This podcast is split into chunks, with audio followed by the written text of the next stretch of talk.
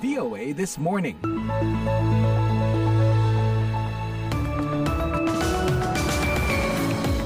Dari Studio 17 VOA di Ibu Kota Amerika, Washington DC. Halo, selamat pagi. Apa kabar? Di DC area, udara masih nyaman. Walaupun mulai hari ini kami memasuki musim panas alias summer. Yes. Summer menyenangkan karena identik musim libur sekolah dan perkuliahan. Walaupun cenderung maunya rileks terus, kami diingatkan untuk waspada kalau mau berlama-lama di luar karena suhu udara pada musim panas bisa ekstrim. Di beberapa tempat di Amerika, suhu bisa mencapai 49 derajat Celcius, hampir 50 derajat Celcius. Nah, yang berada di luar dan terpapar matahari langsung, bisa nggak sadar tuh akan kena serangan panas alias heat stroke. Dan itu sudah terjadi beberapa hari lalu di beberapa negara bagian Texas. Di Indonesia mungkin mungkin suhu tidak sepanas itu ya, karena ada embusan angin. Pagi ini, pendengar kembali VOA This Morning menemani Anda. Laporan pertama kami sajikan dari Washington sebagai tanda yang jelas bahwa India semakin penting bagi Amerika Serikat. Gedung Putih akan menggelar acara sambutan kebesaran untuk kunjungan resmi dan makan malam kenegaraan Perdana Menteri India Narendra Modi. The root of our partnership is a deep connection between our people. Pada akar kemitraan kita terdapat hubungan erat antara rakyat kita, hubungan kekeluargaan, pertemanan, dan nilai-nilai bersama. Laporan dari Indonesia, Ombudsman mengajak pemerintah mengantisipasi dampak fenomena suhu muka laut El Nino terhadap pelayanan publik. Kalau memang permasalahannya seperti ini, maka solusinya seperti apa? Oleh karena itu kami pun juga mengundang instansi-instansi terkait, baik itu dari dinas provinsi maupun dinas kabupaten yang ada di sekitar Jabodetabek. Selain itu, kami akan menyampaikan laporan mengenai hilirisasi industri yang menurut Jokowi akan mendorong Indonesia maju dalam paling lama 15 tahun ke depan. Saya Karina Amkas, yuk kita buka jendela VOA This Morning dengan berita dunia disampaikan Puspita Sariwati. Pendengar, petugas medis Israel mengatakan seorang penyerang melepaskan tembakan ke sebuah pompa bensin di dekat pemukiman Israel di tepi barat, menewaskan sedikitnya empat orang, melukai enam orang, dua orang luka serius. Kekerasan terus mengguncang wilayah pemukiman.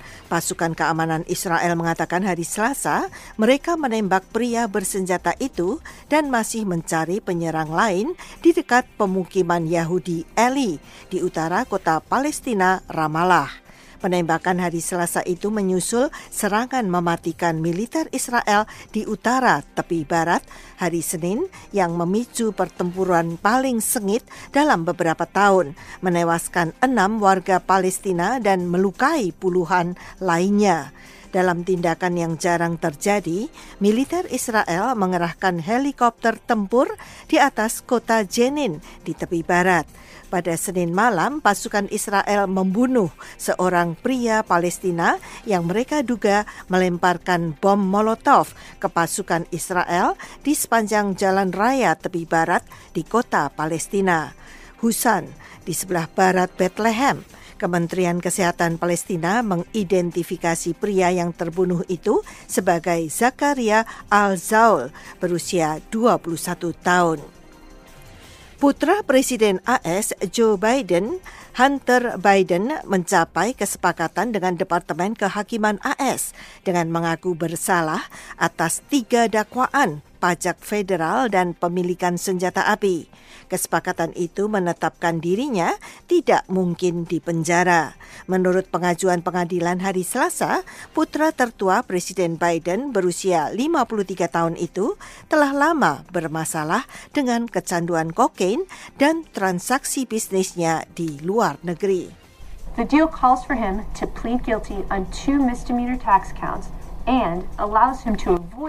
Kesepakatan itu memintanya untuk mengaku bersalah atas dua dakwaan, yaitu pelanggaran ringan pajak dan memungkinkan ia untuk menghindari tuntutan atas tuduhan kejahatan senjata jika ia mematuhi serangkaian persyaratan yang ditetapkan oleh jaksa penuntut kata sumber dari kantor berita Associated Press, Linda Whitehurst. Ia mengaku bersalah atas dua tuduhan pelanggaran pajak karena gagal membayar pajak tahun 2017 dan 2018 dengan tepat waktu dan menyetujui masa percobaan.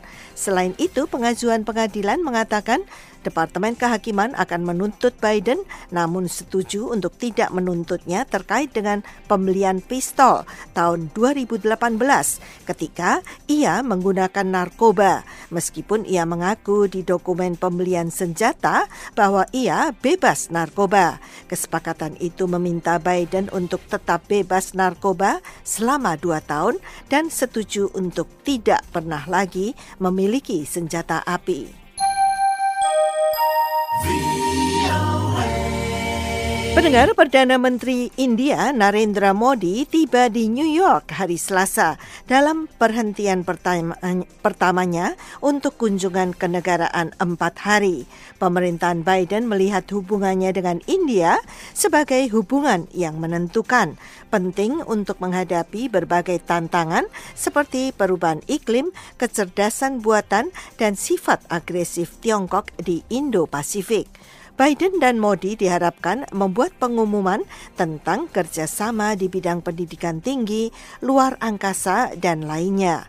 Agenda utama adalah memperdalam kerjasama bidang pertahanan. India berusaha mengurangi ketergantungannya pada perangkat keras militer Rusia dengan membeli membeli dari AS, Prancis, Jerman, dan negara lain. Sejak Presiden Rusia Vladimir Putin memerintahkan invasi ke Rusia, Ukraina 16 bulan lalu, India meningkatkan ekonominya dengan membeli minyak Rusia yang murah dalam jumlah yang makin banyak. Pendengar, sekian berita dunia. Puspita Sariwati, VOA, Washington. VOA This Morning, Perdana Menteri India Narendra Modi beberapa jam lalu tiba di Amerika untuk kunjungan kenegaraan empat hari. Presiden Amerika Joe Biden memberi penghormatan yang tinggi meskipun pemerintahan Modi tidak memihak Barat terkait invasi Rusia ke Ukraina dan aktivis HAM mengungkapkan keprihatinan mereka akan kondisi demokrasi India. Sebagai tanda yang jelas bahwa India semakin penting bagi Amerika Serikat, Gedung Putih akan menggelar acara sambutan dengan penuh kemegahan untuk kunjungan resmi kenegaraan dan makan malam kenegaraan Perdana Menteri Narendra Modi pada hari Kamis.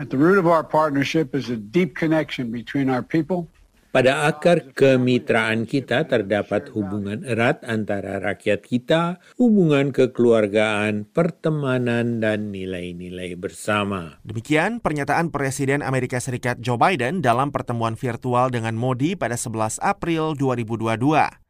Presiden Joe Biden sebelumnya hanya dua kali menggelar tata penghormatan demikian, yakni untuk Presiden Prancis Emmanuel Macron dan Presiden Korea Selatan Yoon Suk Yeol, keduanya pemimpin negara sekutu Amerika. Selama lebih dari dua dekade, pemerintahan Amerika Serikat telah memperlakukan India sebagai mitra utama. Presiden Amerika berturut-turut dari Bill Clinton, George W. Bush, Barack Obama, dan Donald Trump telah melakukan penerbangan 15 jam ke New Delhi. Tetapi tidak ada presiden Amerika yang pernah memberi Modi apa yang akan dilakukan oleh Biden minggu ini – yaitu serangkaian acara penuh penghormatan dan keramah tamahan Gedung Putih, termasuk upacara penyambutan pada kedatangan dan pelepasan pada keberangkatan dengan upacara militer penuh, resepsi makan malam mewah, dan akomodasi di Blair House, wisma resmi yang terletak di seberang jalan dari Gedung Putih. Dalam sebuah pernyataan yang dirilis sebelum berangkat dari New Delhi ke Washington DC, Modi mengatakan bahwa undangan Biden merupakan sebuah cerminan atas kekuatan dan vitalitas kemitraan antara negara demokrasi kita, ungkapnya. Modi juga akan diundang untuk berbicara pada pertemuan gabungan Kongres pada hari Kamis untuk kedua kalinya berbicara kepada anggota parlemen Amerika setelah pidatonya pada tahun 2016. Pendahulunya, Atal Bihari Vajpayee dan Singh menyampaikan pidato pada tahun 2000 dan 2005.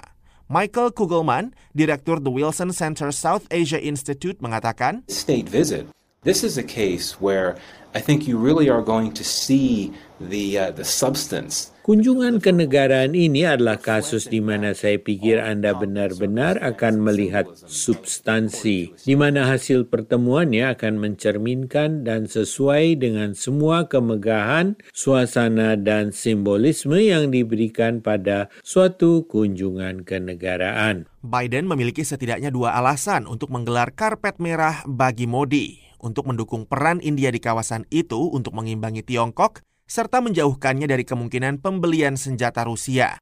India adalah satu-satunya negara yang terlibat dalam konflik terbuka dengan Tiongkok dalam beberapa dekade terakhir. Demikian laporan tim VOA dari Washington. VOA This Morning, kita ke laporan lain. Turki menampung lebih banyak pengungsi dibandingkan dengan negara mana pun. Di antara pengungsi yang ditampung Turki adalah lebih dari 3 juta warga Suriah yang melarikan diri dari perang saudara di negara mereka. Presiden Turki yang baru terpilih kembali, Recep Tayyip Erdogan, mendukung kebijakan untuk tetap menerima jutaan pengungsi, terutama warga Suriah, dan mengizinkan mereka tinggal, meskipun publik Turki semakin menentang. Pendengar, banyak pengungsi Suriah yang melarikan diri ke Turki tidak saja kehilangan rumah dan negara mereka. Semir yang berusia 18 tahun dan hanya ingin identifikasi dengan nama depannya, kehilangan orang tua dan empat saudara kandungnya dalam perang saudara di Suriah. Ia juga kehilangan kakinya, tapi ia berharap masih dapat berjalan lagi. Alhamdulillah mereka banyak membantu saya. Semuanya jadi baik-baik saja. Saya ingin melatih sedikit anggota badan dan dengan kemajuan ini akan menjadi protesis baru. Saya akan mulai berjalan lagi selangkah demi selangkah. Pusat Prostetik Ortotik Istanbul didirikan oleh Yayasan Bantuan Kemanusiaan Turki dan Asosiasi Dokter Internasional. Badan ini membuat dan memasang kaki palsu untuk penyandang disabilitas. Mereka menggunakan teknologi canggih yang diawasi langsung oleh dokter Yasar Tatar. Ada banyak orang yang diamputasi dan kehilangan anggota tubuhnya, terutama di Suriah. Luka bakar akibat bom barrel menjadi tantangan terbesar bagi kami. Gempa bumi yang menelan banyak korban jiwa di Turki dan Suriah pada bulan Februari lalu juga telah ikut menambah pekerjaan badan itu karena banyak orang kehilangan sebagian anggota tubuh mereka. Turki kini menampung lebih dari 3 juta pengungsi Suriah bersama dengan sejumlah besar pengungsi dari Irak dan Afghanistan. Sentimen anti pengungsi kini sedang meningkat, umumnya tercermin dalam beberapa grafiti. Yakın ışıkları, Türkiye aydınlansın, mazlumların umutları aydınlansın. Saat pemilu presiden bulan Mei lalu, penantang Presiden Recep Tayyip Erdogan bertekad akan memulangkan jutaan pengungsi Suriah. Banyak analis menilai kemenangan Erdogan menimbulkan rasa lega tidak saja di kalangan para pengungsi, tapi juga Uni Eropa yang telah mengucurkan anggaran bagi Turki untuk menampung para pengungsi. Analis politik Serhat Gulfeng mengatakan, The Europeans probably they were relieved when Erdogan was re-elected. Uni Eropa bisa jadi merupakan pihak yang paling merasa lega ketika Erdogan terpilih kembali karena berarti kesepakatan soal pengungsi yang merupakan isu sangat penting di kalangan pemimpin Uni Eropa akan tetap berlaku dan beroperasi. Tetapi Erdogan yang mungkin menyadari kegelisahan yang dirasakan warga Turki dengan keberadaan para pengungsi itu, kini berjanji akan meningkatkan pembangunan rumah di Suriah, yaitu di daerah-daerah yang berada di luar kendali pemerintah Bashar al-Assad untuk memfasilitasi kembalinya satu juta warga Suriah. Namun masih harus dilihat berapa banyak pengungsi yang akan menerima tawaran Erdogan itu. Demikian laporan tim VOA. VOA